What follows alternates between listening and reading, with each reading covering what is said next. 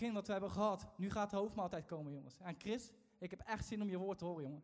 Kom maar, kom maar hier.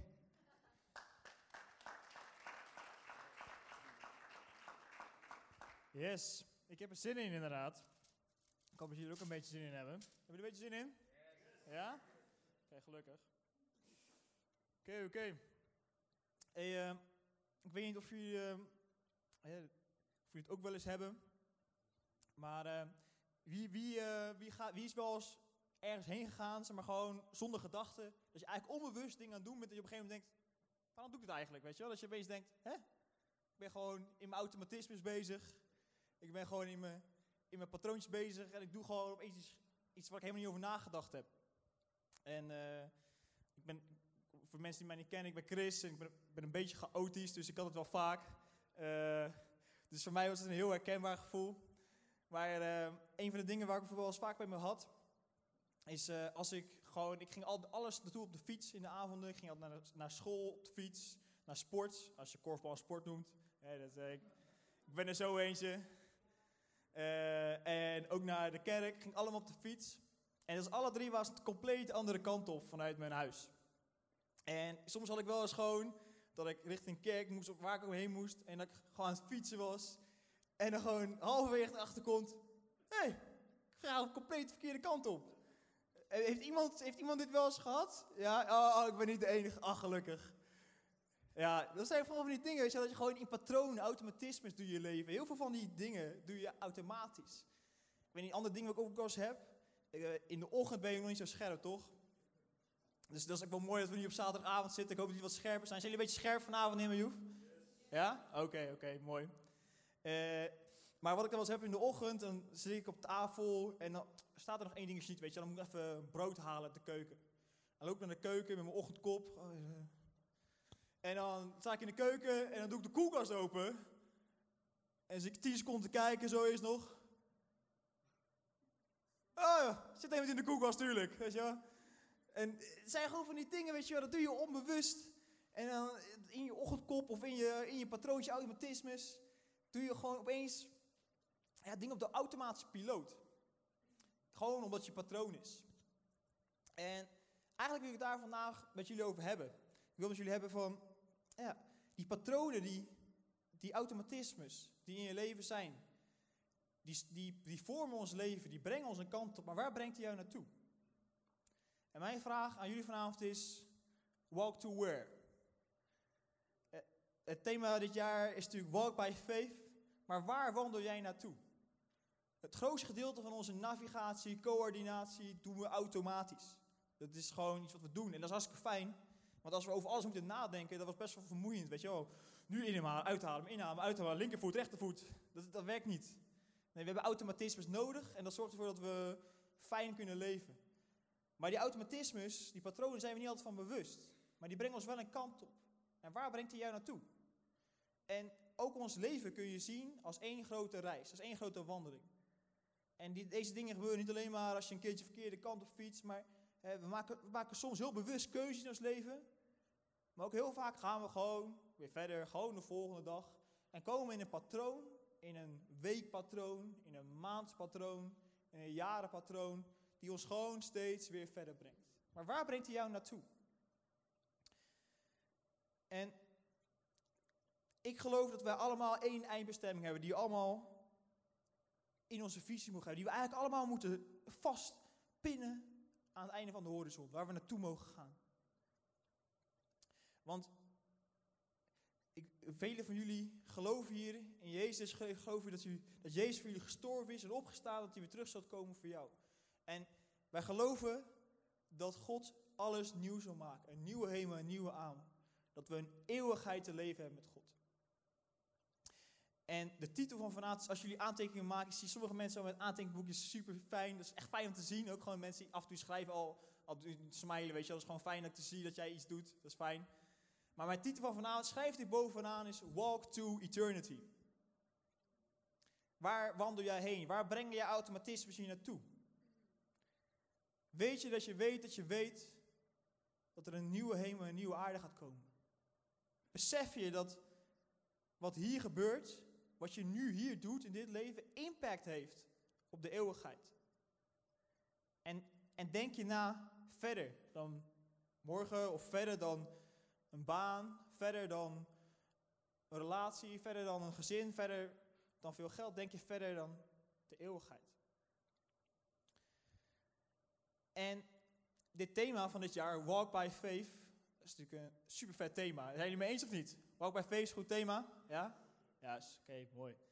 Maar die one-liners, die, die halen we niet zomaar ergens vandaan. Neem bij nemen YouTube nooit zomaar. Het komt natuurlijk uit een bijbeltekst. Hè, de bekende tekst is, want wij wandelen door geloof, niet door aanschouwen. 2 Korinthe 5 vers 7. En dit is een prachtige one-liner, maar zoals vele one-liners is er een context. En daar wil ik het met jullie over hebben. Waarom wij hebben over walk by faith, weet je wat, waar ik vandaag ik wil echt stil bij staan met wat zijn onze patronen, wat zijn onze automatismes. En we willen dit jaar hebben over geloof, zodat geloof gewoon een instinctieve reactie wordt. Dat, dat je, wat er ook maar gebeurt in je leven, dat je reageert in geloof. En dat je gewoon niet eens meer hoeft na te denken of je reageert in geloof niet, want het is gewoon, het is gewoon een patroon, het is gewoon instinctief. Handel je in geloof omdat jij je God kent. En dat is waar, waar we naartoe willen werken vandaag. En 2 Korinthe 5 vers 7 zegt dus, want wij wandelen, niet, uh, want wij wandelen door geloof, niet door aanschouwen. En dat is eigenlijk een statement. Een statement dat zegt, niet wat ik zie, niet wat ik voel, niet wat ik kan meten, bepaalt hoe ik mijn leven leef, hoe ik wandel. Nee, wat ik geloof, dat waar is. En dat, dat is best wel een raar statement eigenlijk, toch? Dat je, eh, dat je gewoon denkt, ja nee, nee joh, ik, uh, ik geloof gewoon, ik gewoon mijn ding, weet je, maakt niet uit uh, wat ik allemaal zie en doe. Nee, eigenlijk is dat best wel een bijzondere statement, toch? Ik bedoel, als je, als je zo'n keuze maakt, dan moet je... Maar sommige, veel mensen maken een keuze gewoon onbewust, weet je. Ja, daar heb geen reden voor. Maar als je hiervoor leeft, als je dit kiest, ik wandel door geloof, niet door aanschouwen. Dat is wel, dat is wel echt een pittig statement. Hoezo, hoe zou je daarvoor kiezen? Nou, het simpele antwoord erop is, als jij Jezus ontmoet, als jij wordt vervuld met de Heilige Geest, dan is, gaat je leven op zijn kop. En dan weet je, geloof, mijn geloof in God is zoveel belangrijker dan wat ik nu hier misschien niet direct zie. Want God is, ik heb God ervaren, ik weet wie God is, ik weet dat de geest in mij woont en ik ervaar de geest in mijn leven, dagelijks leven. En dat is natuurlijk ook iets bijzonders, hè. Het bovennatuurlijke ervaren wij hier in dit leven. En dat is dus ook dat is de enige reden waarom wij dit zeggen. Niet omdat het nou, ja, omdat het nou super logisch is om te doen. Zeg maar, als je gewoon hè, naar, naar de boeken leest en de dingen meet, dan is het super logisch. Nee, nee, het is juist tegenovergesteld. Maar wij, wij doen dit omdat wij een God hebben ontmoet. Omdat wij vervuld zijn met de geest. Dat is de reden waarom wij zo'n statement maken, waarom we hiervoor gaan. Waarom we iets wat op zich raar lijkt, toch verkiezen. En we zeggen, nee, wij wandelen door geloof. Amen. Maar zoals ik al zei, die one-liners hebben een context. En ik wil met jullie naar die context. Dus sta, sla je Bijbel open naar 2 Korinthe 4. Open ik ondertussen met water.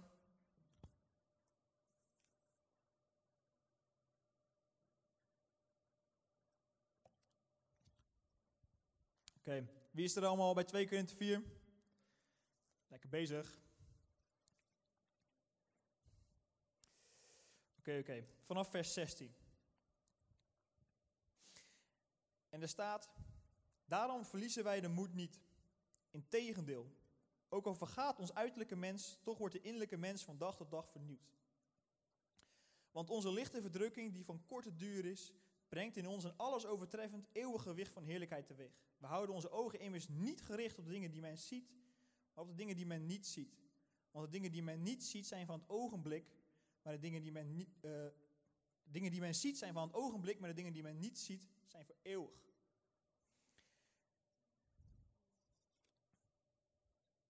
En dan uh, gaan we verder vanaf vers 5, hoofdstuk 5 vanaf vers 6. Wij hebben dus altijd goede moed. En weten dat wij, zolang wij in het lichaam inwonen, uitwonend zijn van de Heer. Want wij wandelen door geloof, niet door aanschouwen. Daarom zijn we ook niet bang om te sterven. Integendeel, wij zien er naar uit om naar huis te gaan, naar de Heer. Daarom is ons hoogste doel te doen wat Hij wil, of we nu in dit lichaam of thuis bij de Heer zijn. Want we zullen allemaal eens voor Christus rekenschap moeten afleggen. Dan wordt alles blootgelegd. Ieder van ons zal krijgen wat in toekomst voor wat hij in zijn aardse lichaam heeft gedaan, goed of kwaad.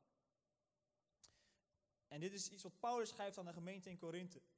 En wat je hier ziet is dat Paulus echt heeft gekozen, ik leef voor de eeuwigheid. Hij heeft gekozen, hè, ook al heeft hij nu moeite, een lichte verdrukking voor korte duur, in de eeuwigheid brengt mij dit loon. En hij, en hij heeft gekozen, niet wat ik zie, maar wat ik niet zie. Dat is eeuwig, dat heeft echte waarde, daarvoor wil ik gaan. En hij zegt dan ook in vers 10, dat we allemaal uiteindelijk voor Jezus zullen komen te staan. En dat we mogen, en dat er gewoon gevraagd gaat worden, wat heb je gedaan met je tijd? En hij heeft gezegd, ik wil dan een antwoord kunnen brengen waar ik mee Jezus eer. Ik wil dan kunnen zeggen, ik heb geleefd voor u, God. En hij heeft zijn blik altijd gehad op de eeuwigheid. Dat is waar zijn focus is op geweest. Hij is all in voor de eeuwigheid. He walks to eternity. En een andere tekst die daar zo duidelijk over spreekt, is Hebreeën 12, vers 1 tot 2. Je hoeft het niet op te zoeken, ik lees het gewoon voor je voor. Er staat, nu zo'n grote menigte ons ziet en aanmoedigt, moeten wij alle last en zonde afleggen die ons zo gemakkelijk verstrikt. Wij moeten de race afleggen die voor ons ligt zonder op te geven. Daarbij moeten wij blijven kijken naar Jezus die ons de weg wijst. Hij is het doel van ons geloof. Hij kon zich aan het kruis laten slaan en de schande negeren, want hij wist welke blijdschap hem te wachten stond. En nu zit hij op de ereplaats naast de troon van God. En dit is eigenlijk wat wandelen in geloof is. Wat, waar Jezus voor koos. Jezus koos ervoor.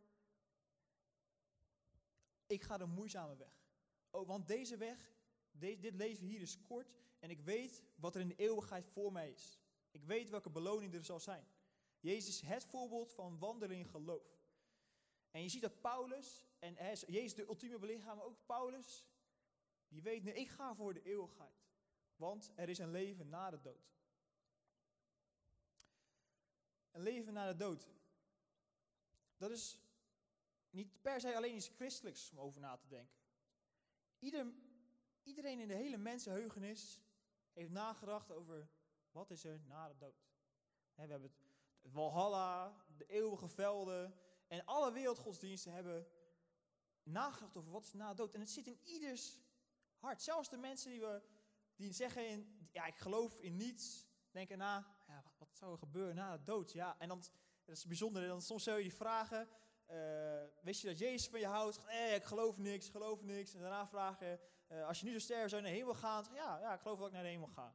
Weet je? En dan, dan zie je dus dat mensen toch nadenken over de eeuwigheid. En toch denken, ja nee, er is, er is iets na de dood. En weet je waarom dit is? Waarom dit bij iedereen er is? Omdat God het in ons hart heeft gelegd. Het zit in ons geestelijk DNA. En dat staat ook in uh, Prediker 3, vers 11. En dit mogen we even met me opzoeken, want in Prediker zullen we veel zijn vandaag.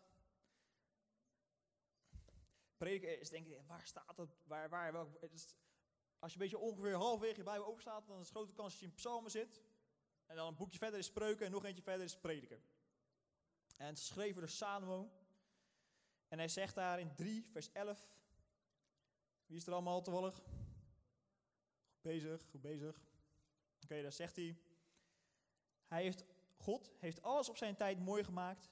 Ook heeft hij de eeuwigheid in het hart gelegd, zonder dat de mens het werk dat God gedaan heeft van begin tot het einde kan doorgronden. Dus God heeft in ons gelegd dat we nadenken over de eeuwigheid. En tegelijkertijd kunnen wij niet beseffen wat eeuwigheid is. Ik bedoel, wij zijn gelimiteerd aan tijd. Moet je, moet je eens voorstellen, een, een situatie zonder tijd. Dat, dat, dat, dat, is toch raar? Dat kan toch niet? Wat was er dan voor dat? En wat was er voor het begin? Ja, maar daarvoor. En, en daarvoor? Uh, maar God heeft de eeuwigheid in ons hart gelegd. Iedereen is ermee bezig. En Prediken is een boek wat heel veel spreekt over de eeuwigheid. Je zou Prediker ook wel het boek der eeuwigheid kunnen eh, noemen. Prediker spreekt constant over wat is er nou in de eeuwigheid.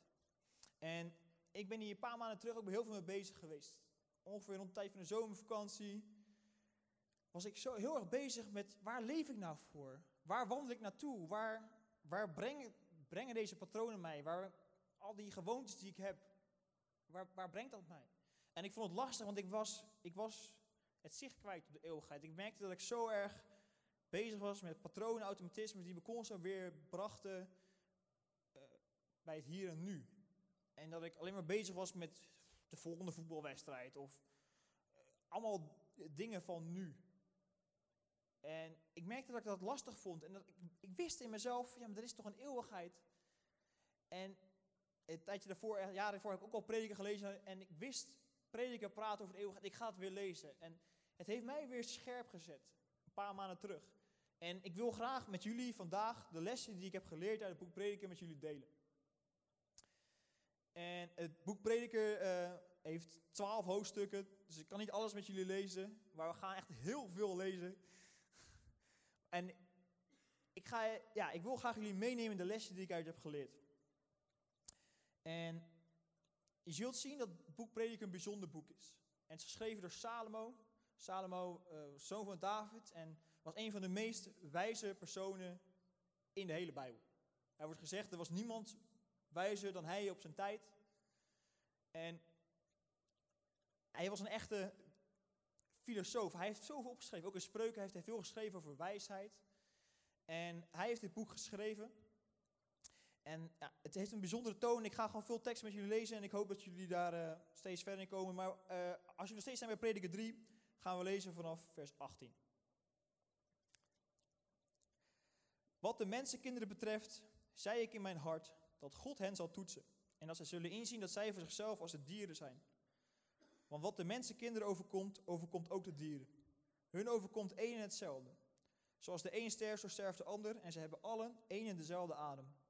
De mensen hebben niets voor op de dieren, want alles is vluchtig. Het allereerste wat we zien is dat Darwin eigenlijk helemaal niet zo'n heel gek idee had. Uh, dat we lijken op de dieren. Uh, het is al 2000 jaar oud, het idee. En uh, het is eigenlijk wel, wel grappig eigenlijk. Hè? Een van de dingen, wat een van de, misschien wordt gezien als een van de grootste godlasteringen van deze tijd. Staat, zie ik hem ook in de Bijbel. Dat is wel bijzonder. Maar hier komen we later nog wel op terug over wat hier echt gesproken wordt. Maar wat we ook zien in het laatste vers. Oh, uh, ja, 20 is ook, gaat eigenlijk een beetje verder in dezelfde trant. Ze gaan alle naar één plaats. Ze zijn alle uit de stof en ze keren alle terug tot het stof. En in vers 19 zie je het woord vluchtig staan. Hij zegt, want alles is vluchtig.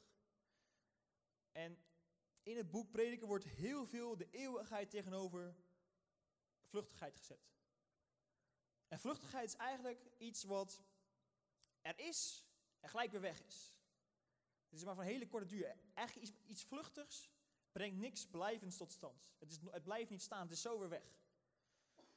En eigenlijk de definitie van, definitie van vluchtigheid, om te begrijpen wat vluchtig is, is van die kauwgom, hele goedkope kauwgom in van die blauwe strips. Wie kent, wie kent die kauwgom? Die van die hele goedkope ding. Ja, ik heb ze meegenomen. Kun je, kun je vluchtigheid ervaren? Ik eens kijken. Kan je vangen lokken? Oh, nee. Nou, je kunt, je kunt vluchtigheid ervaren hier voor jullie. Oh. En, uh, en vluchtigheid is eigenlijk precies deze kauwgom. Ik weet, ik weet niet wie het allemaal wel eens geproefd heeft, maar het is eigenlijk, je stopt in je mond en je denkt, ah, lekker fris. En na tien, na tien kauwen denk je, ah, alle smaak is weg. Ik zie weer een stuk stug plastic in mijn mond. Uh, valt eigenlijk een beetje tegen. En dat is eigenlijk wat vluchtigheid is. Eerst denk ik, ah, wat leuk, wat lekker. En uh, mm, uh, het is eigenlijk al heel, heel snel niks. Dat is eigenlijk wat vluchtigheid is. Oh, en even een kort zijverhaaltje. Als kernteam maken we regelmatig de blok schoon. En ik, ik, had, ik kon er gewoon niet bij de eerste keer dat ik het zag. Maar ik heb nu al twee keer kauwgom van de grond zitten schrapen. Als ik één van jullie ooit kauwgom zie gooien op de blokvloer. Ik weet dat ik een prediker van genade moet zijn, maar zo help me God, oké? Niet doen, kan echt niet. Oké, maar weer terug naar de preek. Ik hoop dat jullie een beetje door wat vluchtig is. Dus het is als die kauwgom. Het is lekker en dan, nee, toch niks. Het, is, het vervult niet. Het is niets blijvends. En dat is waar Salomo in dit boek eigenlijk constant over spreekt. En eigenlijk als je eerlijk bent, is het soms best wel deprimerend om te lezen. Maar om toch te begrijpen wat de boodschap van dit boek is, wil ik met jullie lezen predik hoofdstuk 1. Dus ga naar gewoon het begin van het boek, predik hoofdstuk 1. vanaf vers 2.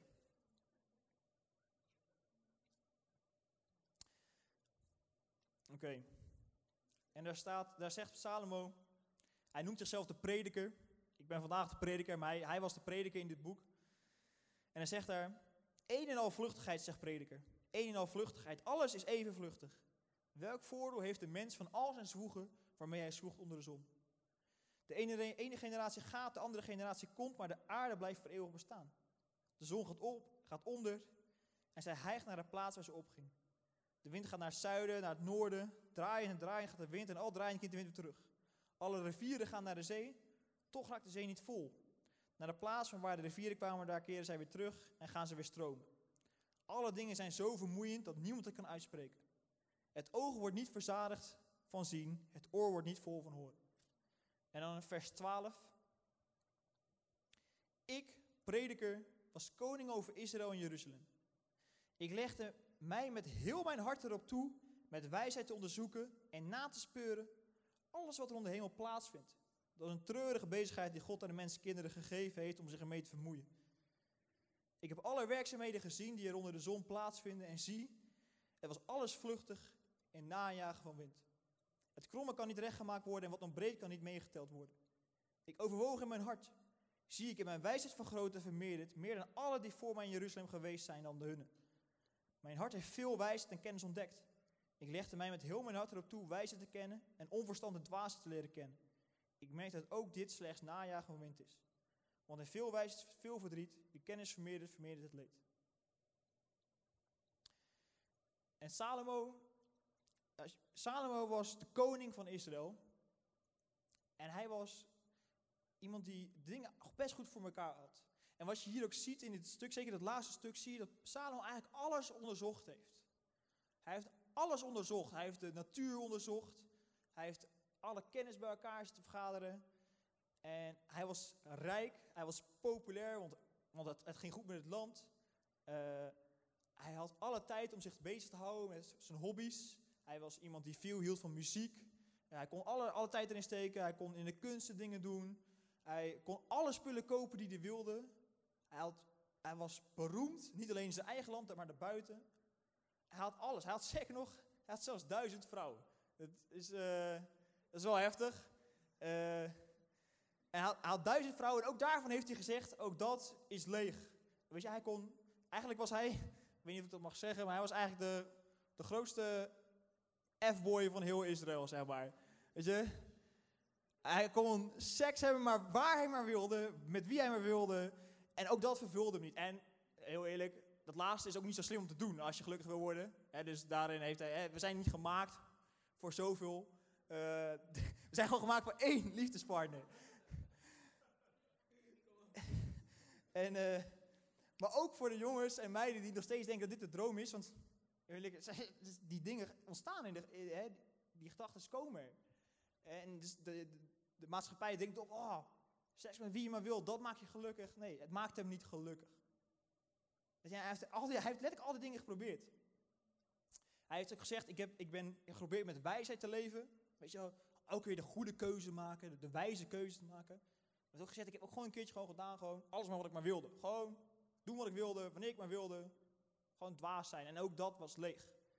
Bij alles kwam hij erachter, hij kon, hij kon letterlijk alles doen wat hij maar wilde. Maar alles was leeg. Alles was vluchtig. En dat lees je ook weer in 2, Prediker 2, vanaf vers 4. Dan zegt hij, ik heb voor mezelf grootste dingen tot stand gebracht. Ik bouwde mijn huizen, ik plantte mijn wijngaarden, ik legde mijn tuinen en boomgaarden aan en plantte erin allerlei vruchtbomen. Hij, en daarna gaat hij verder dat hij echt, ja, ik legde mijn waterbekers aan om daaruit een bos met jonge bomen te bevochtigen. Ik verwierf slaven en slavinnen en in de huisgeboren kinderen behoorden mij toe. Ook had ik grote kudderen, runderen en kleinvee, meer dan alle die voor mij in Jeruzalem geweest waren. Ik vergaarde mij ook zilver en goud, kostbaarheden van koningen en gewesten. Ik zorgde voor zangers en zangeressen en de genoegens van de menskinderen genot ik in overvloed. Ik werd groter en nam toe, meer dan alle die voor mij in Jeruzalem geweest zijn. Ook bleef mijn wijsheid mij bij. Al wat mijn ogen verlangden onthield ik ze niet. Ik ontzegde mijn hart geen enkel blijdschap, want mijn hart werd verblijd vanwege al mijn zwoegen dat was mijn deel voor al mijn zwoegen. Toen richtte ik mijn aandacht op al mijn werken. Hij keek naar alles wat hij gedaan had. En hij keek naar het zwoegen waarmee ik had gezwoegd om ze tot stand te brengen. Zie, het was alles vluchtig en najagen van de wind. Daarin was geen voordeel onder de zon. Nogmaals, hij kon alles doen wat hij... Staat hier dat hij... Weet je, wat hij, wat hij maar wilde zien, zag hij. Wat hij maar wilde doen, deed hij. Wat hij maar wilde hebben, kocht hij. En wat hier staat en wat je ook hoort, soms op Instagram, van influencers. Wat je, eh, Salomo was de koning, dus hij had wel een redelijk goed startpunt. Maar hij zegt ook, weet je, hij heeft er keihard voor gewerkt. Hij heeft in al zijn zwoegen, hij heeft superveel vergaard. En het is waar, als je keihard zwoegt, als je de juiste mensen om je heen verzamelt, als je het geluk met je hebt, als je je hart erop zet, dan kun je het maken. Kun je alle, dan kun je, dan kun je wat, waar je hart op zet, kun je, kun je voor elkaar krijgen. En natuurlijk zit er geluk bij en moeten, moeten, moeten dingen samenkomen. Maar als je het echt wilt, als je echt voor deze dingen wilt gaan, dan kun je het vinden.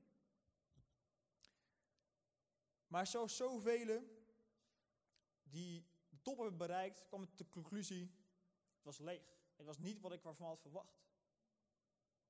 Weet je, de sky is the limit. Je kunt ervoor gaan, maar het was leeg. Samen kwam erachter, het was leeg. En de reden waarom dit leeg was, dat ga je, eh, de, de reden waarom het leeg was, is dat al dit succes, al die dingen die hij voor zichzelf vergaarde, al die dingen waar hij zo hard voor gewerkt heeft, het bad hem nul bescherming tegen de willekeur en hardheid van het leven. In, het boek Prediker gaat hij, gaat hij verder spreken over de wereld.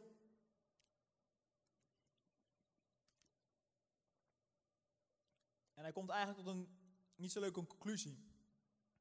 Hij komt er eigenlijk gewoon achter dat hoe je jezelf ook voorbereidt, wat voor dingen, wat voor spullen je ook om je heen hebt, wat je ook maar voor succes hebt, de willekeur en hardheid van het leven treft iedereen. In Prediker 2, vers 15 zegt hij: Toen zei ik in mijn hart, zoals het lot van het dwaas ook mijzelf treft, waarom ben ik dan toen zo bovenmate wijs geweest? Ik sprak in mijn hart, ook dat was vluchtig. Dus hij had, had door, weet je, ik heb super wijze beslissingen gemaakt. Ik, ik heb gewoon echt super goed nagedacht over waar ik heen ga, wat ik doe en hoe ik ga bereiken de dingen die ik wil. Maar uiteindelijk ervaar ik gewoon dezelfde vervelende dingen als gewoon iemand die helemaal niet nadenkt. En allemaal hebben we gewoon te maken met die, die dingen waar we gewoon, die gewoon rot zijn in het leven. En in uh, Prediker 9 vers 2 zegt hij ook dat het, hetzelfde overkomt degene die goed is en slecht is. De rechtvaardige, de onrechtvaardige, de gelovige, de ongelovige. De wijze, de dwaze. De, uh, ja, degene die, de heilige en de onheilige. Allemaal overkomt hetzelfde lot. En dat is ook waarom al die dingen die we om ons heen proberen te verzamelen, die dingen die, die als het succes, het geld, de wijsheid, al die dingen om ons heen, ook iedereen overkomt de slecht.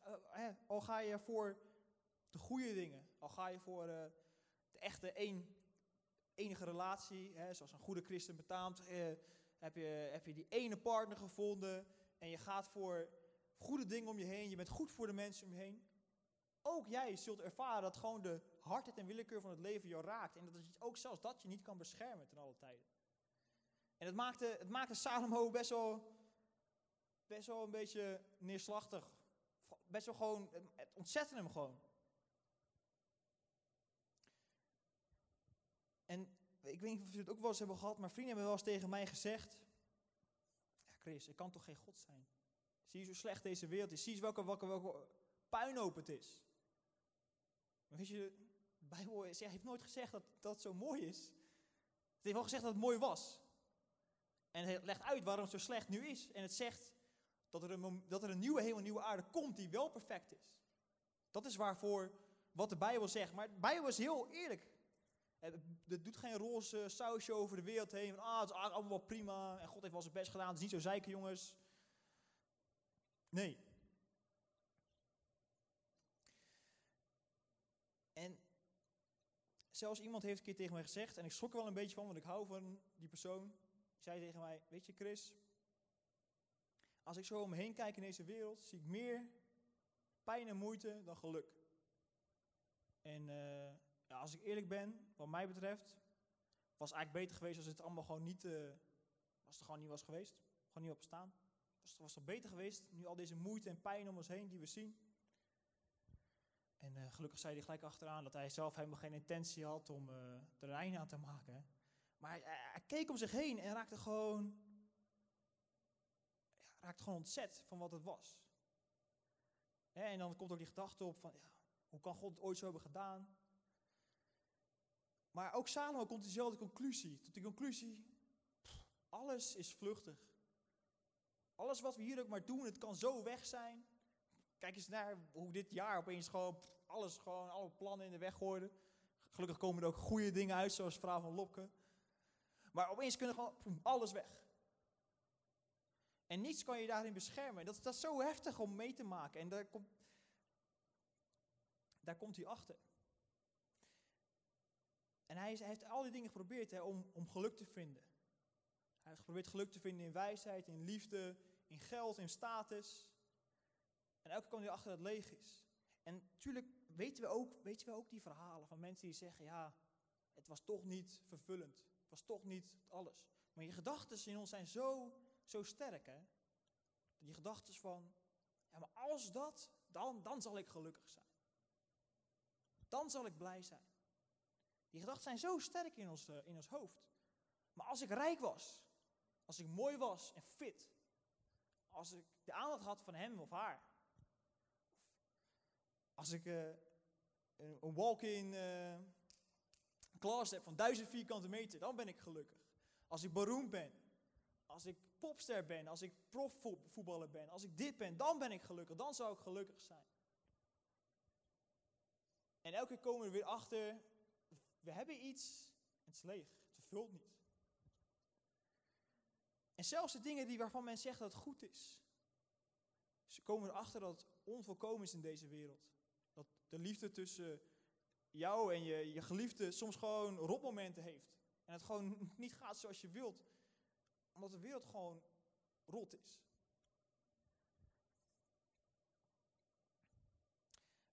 De dingen hier op aarde zijn gewoon vluchtig.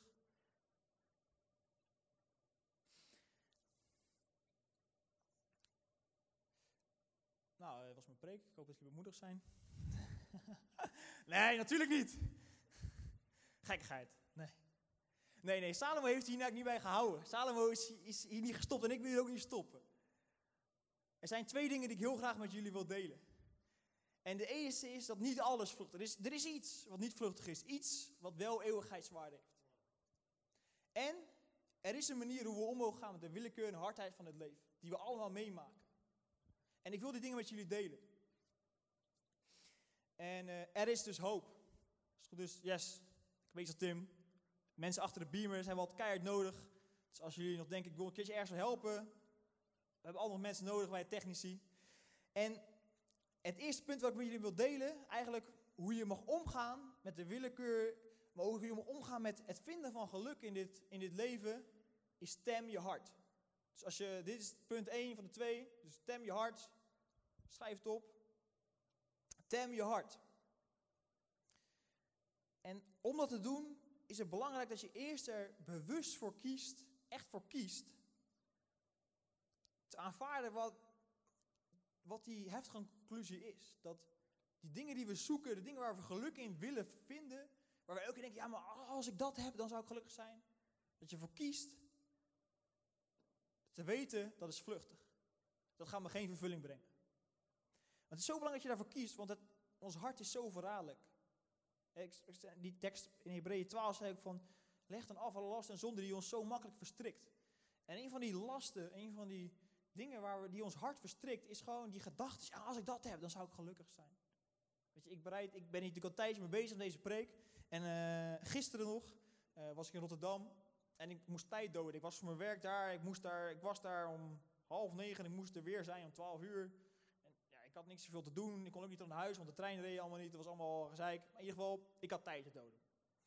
En eh, ik ging naar mijn favoriete kledingzaak. Ik heb een favoriete kledingzaak, dat is, eh, nou, is gewoon een dingetje. En eh, altijd als zij een nieuwe collectie uitbrengen, dan denk ik, oh, ik zou alles wel willen kopen. vind het gewoon, ik vind het gewoon super vet. Gewoon hoe zij die kleding maken. En nou, ik had dus tijdens dus ik had allemaal kleding gepakt om het pashokje aan te doen. Dus ik had aangegaan, ik ga voor de spiegel staan. Ja, staan me echt super goed. Verkoper zei ook nog eens een keer dat het me goed, super goed stond. En eh, ik zit weer in de auto voor mijn werk en die gedachte komt op. het is toch, ik wil het eigenlijk wel graag hebben. En dat was echt het moment dat ik moest ingrijpen. Dat ik moest nee, nee. Weet je wel, als je die gedachte, het is zo makkelijk die gedachten te laten lopen. Hè? En dan laten we die gedachten lopen, dan komen we thuis. En ja, je moet het eigenlijk wel hebben. Hè? En doe je kledingkast open en opeens, ja, wow, dat is eigenlijk allemaal saai en outdated. En opeens praten we onszelf eraan. Als ik dat heb, dan ben ik gelukkig. Nee, dat moet ik hebben. Nee, we moeten echt ervoor kiezen. Ervoor kiezen dat we weten dat we weten. Nee, die dingen zijn vluchtig. Daar vind ik mijn geluk niet in. Maar mogen we dan van, mogen hoe moeten we dan omgaan met die vluchtige dingen? Mogen we daar niet van genieten? Ja, natuurlijk wel. Natuurlijk mogen we ervan genieten. En dit is ook een van de dingen die Salomo als conclusie trekt. In, in, in meerdere teksten zegt Salomo op een gegeven moment: dit, dit heb ik gezien wat goed is.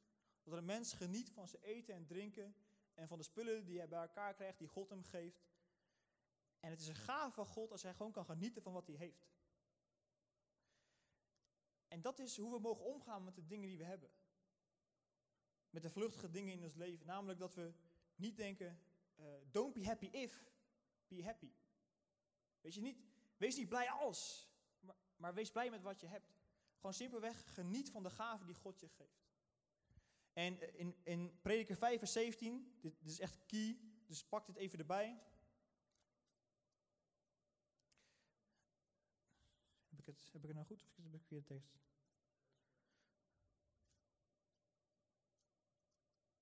Nee, ik zag een andere.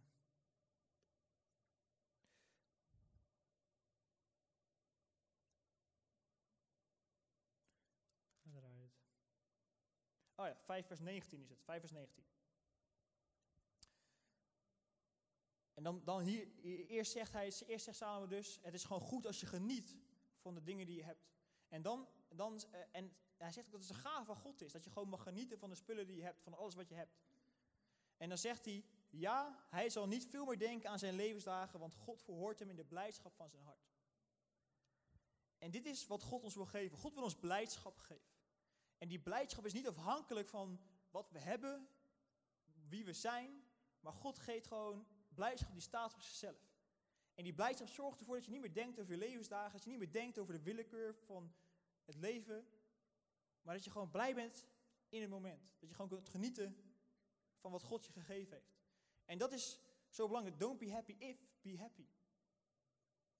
God wil je blijdschap geven. En dit is een blijdschap die er altijd is. Weet je, net zoals we geloven, dat we kiezen door te wandelen in geloof en niet door aanschouwen, is het ook een keuze dat we die blijdschap van God ontvangen. Die blijdschap niet ontvangen in de dingen die we hebben of zijn, maar God heeft gewoon pure blijdschap voor ons. Iets wat op zichzelf staat. En velen kunnen getuigen dat we soms, ik heb ook het moment dat je gewoon blij bent zonder enige reden, gewoon behalve dan dat je weet dat God gewoon die blijdschap in je legt. Gewoon blij om wat God in je leven is. En die blijdschap is er als je rijk bent of arm, in voorspoed en tegenspoed, in gezondheid en ziekte. Die blijdschap is er altijd. En dat is hoe we mogen omgaan met de dingen die we meemaken. En met ook, we mogen genieten van de dingen die God ons geeft. Echt waar, er zijn zoveel mooie dingen op de aarde. Maar als je daar het ultieme geluk in zoekt, dan is het leeg. Dan brengt het je niets. God wil jou blijdschap geven. Zelfs als er geen reden tot blijdschap is als je om je heen kijkt. niet door aanschouwen, maar door geloof. God heeft blijdschap voor jou, voor jou, voor jou, voor jou. Niet om alle dingen die je hebt of wie je bent, maar gewoon omdat God jou blijdschap geeft op zichzelf. En dat is ook eigenlijk, de korte samenvatting is, leg dan, alle, leg dan af alle lasten en zonden die ons hart zo makkelijk verstrikt en hou je ogen op Jezus gericht. Leg die dingen af die elke keer weer je hart verstrikken. Die gedachte is, ah, dan zou ik gelukkig zijn. En hou je ogen gericht op Jezus. Daar is je blijdschap. Daar is je blijdschap. Maar waar is dan die hoop? Wat is dan, wat is dan niet vluchtig? En ik wil weer met je terug naar prediker 3, vers 18 tot en met 21, waar ik net al gelezen had. En dit, toen ik dit las, veranderde er iets in mij. Dit was echt zo'n moment van, wauw, dit, dit is dus waarom het leven draait. Dit is dus onze hoop. We gaan weer opnieuw lezen. Wat de mensenkinderen betreft, zei ik in mijn hart dat God hen zal toetsen en dat zij zullen inzien dat zij voor zichzelf als de dieren zijn. Want wat de mensenkinderen overkomt, overkomt ook de dieren. Hun overkomt één en hetzelfde. Zoals de een sterft, zo sterft de ander en zij hebben één en dezelfde adem. De mensen hebben niets voor op de dieren, want alles is vluchtig. Ze gaan alle naar één plaats, zijn, zijn alle uit het stof en zij keren alle terug tot het stof. Maar, maar, maar, maar. Wie merkt op dat de adem van de menskinderen naar boven stijgt en de adem van de dieren naar beneden? Dit is het enige in het hele boek Prediker waar Salomo spreekt wat eeuwig is. Namelijk ons adem die opstijgt. En de adem, het woord adem in het Hebreeuws is ruach.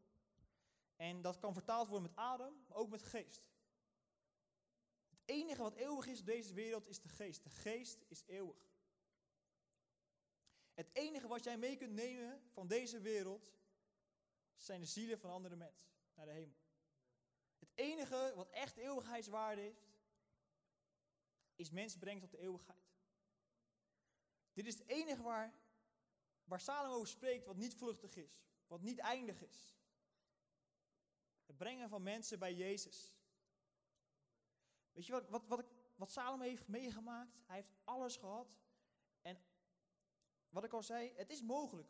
Als je hard zwoegt, als je er echt voor gaat, als je het geluk met je hebt, als je je hart erop zet, dan kun je het maken in deze wereld. The sky is the limit. Maar heaven is out of reach. En ik hoop dat jullie dit pakken. The sky is the limit, maar heaven is out of reach. We kunnen zoveel dingen bij elkaar zien te boksen, zoveel dingen bij elkaar zien te verzamelen, maar niets van het alles brengt eeuwigheidswaarde.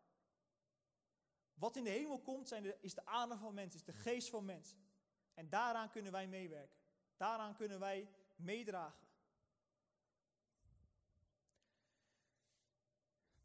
En dat is ook zo belangrijk. Wij zijn, velen van ons zijn kinderen van God. We kennen Jezus in ons hart. En dit is onze enige opdracht in deze wereld. We mensen brengen bij Jezus. Er zijn zoveel mensen zonder hoop. Zoveel mensen zonder rust. Zoveel mensen waarvan hun hart naastig om zich heen grijpt naar dat beetje geluk wat wel een keertje blijft. Zoveel mensen op zoek naar een rust waar ze wel vrede in vinden. Er zijn zoveel mensen die, die het niet kennen. En wij hebben daar die opdracht in, dat we gewoon het evangelie vertellen.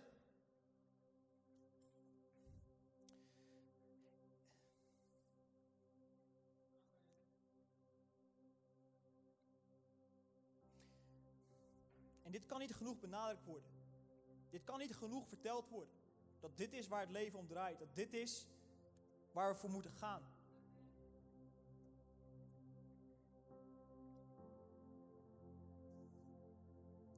Dit is waar het korte, soms mooie, maar ook vaak moeizame leven om draait.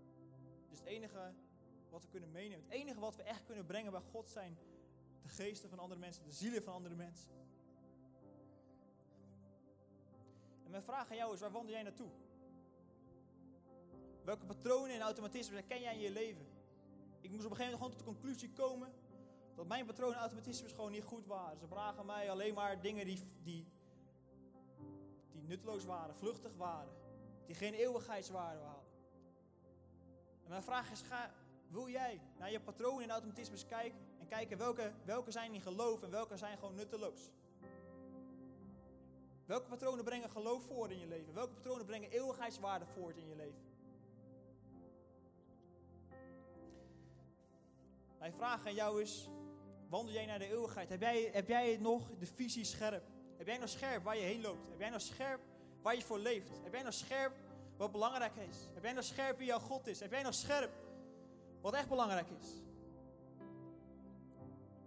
Mijn vraag aan jou is niet of je de volgende prediker wilt worden over straatevangelist. Mijn vraag is zo simpel. Wil jij dit verlangen van God?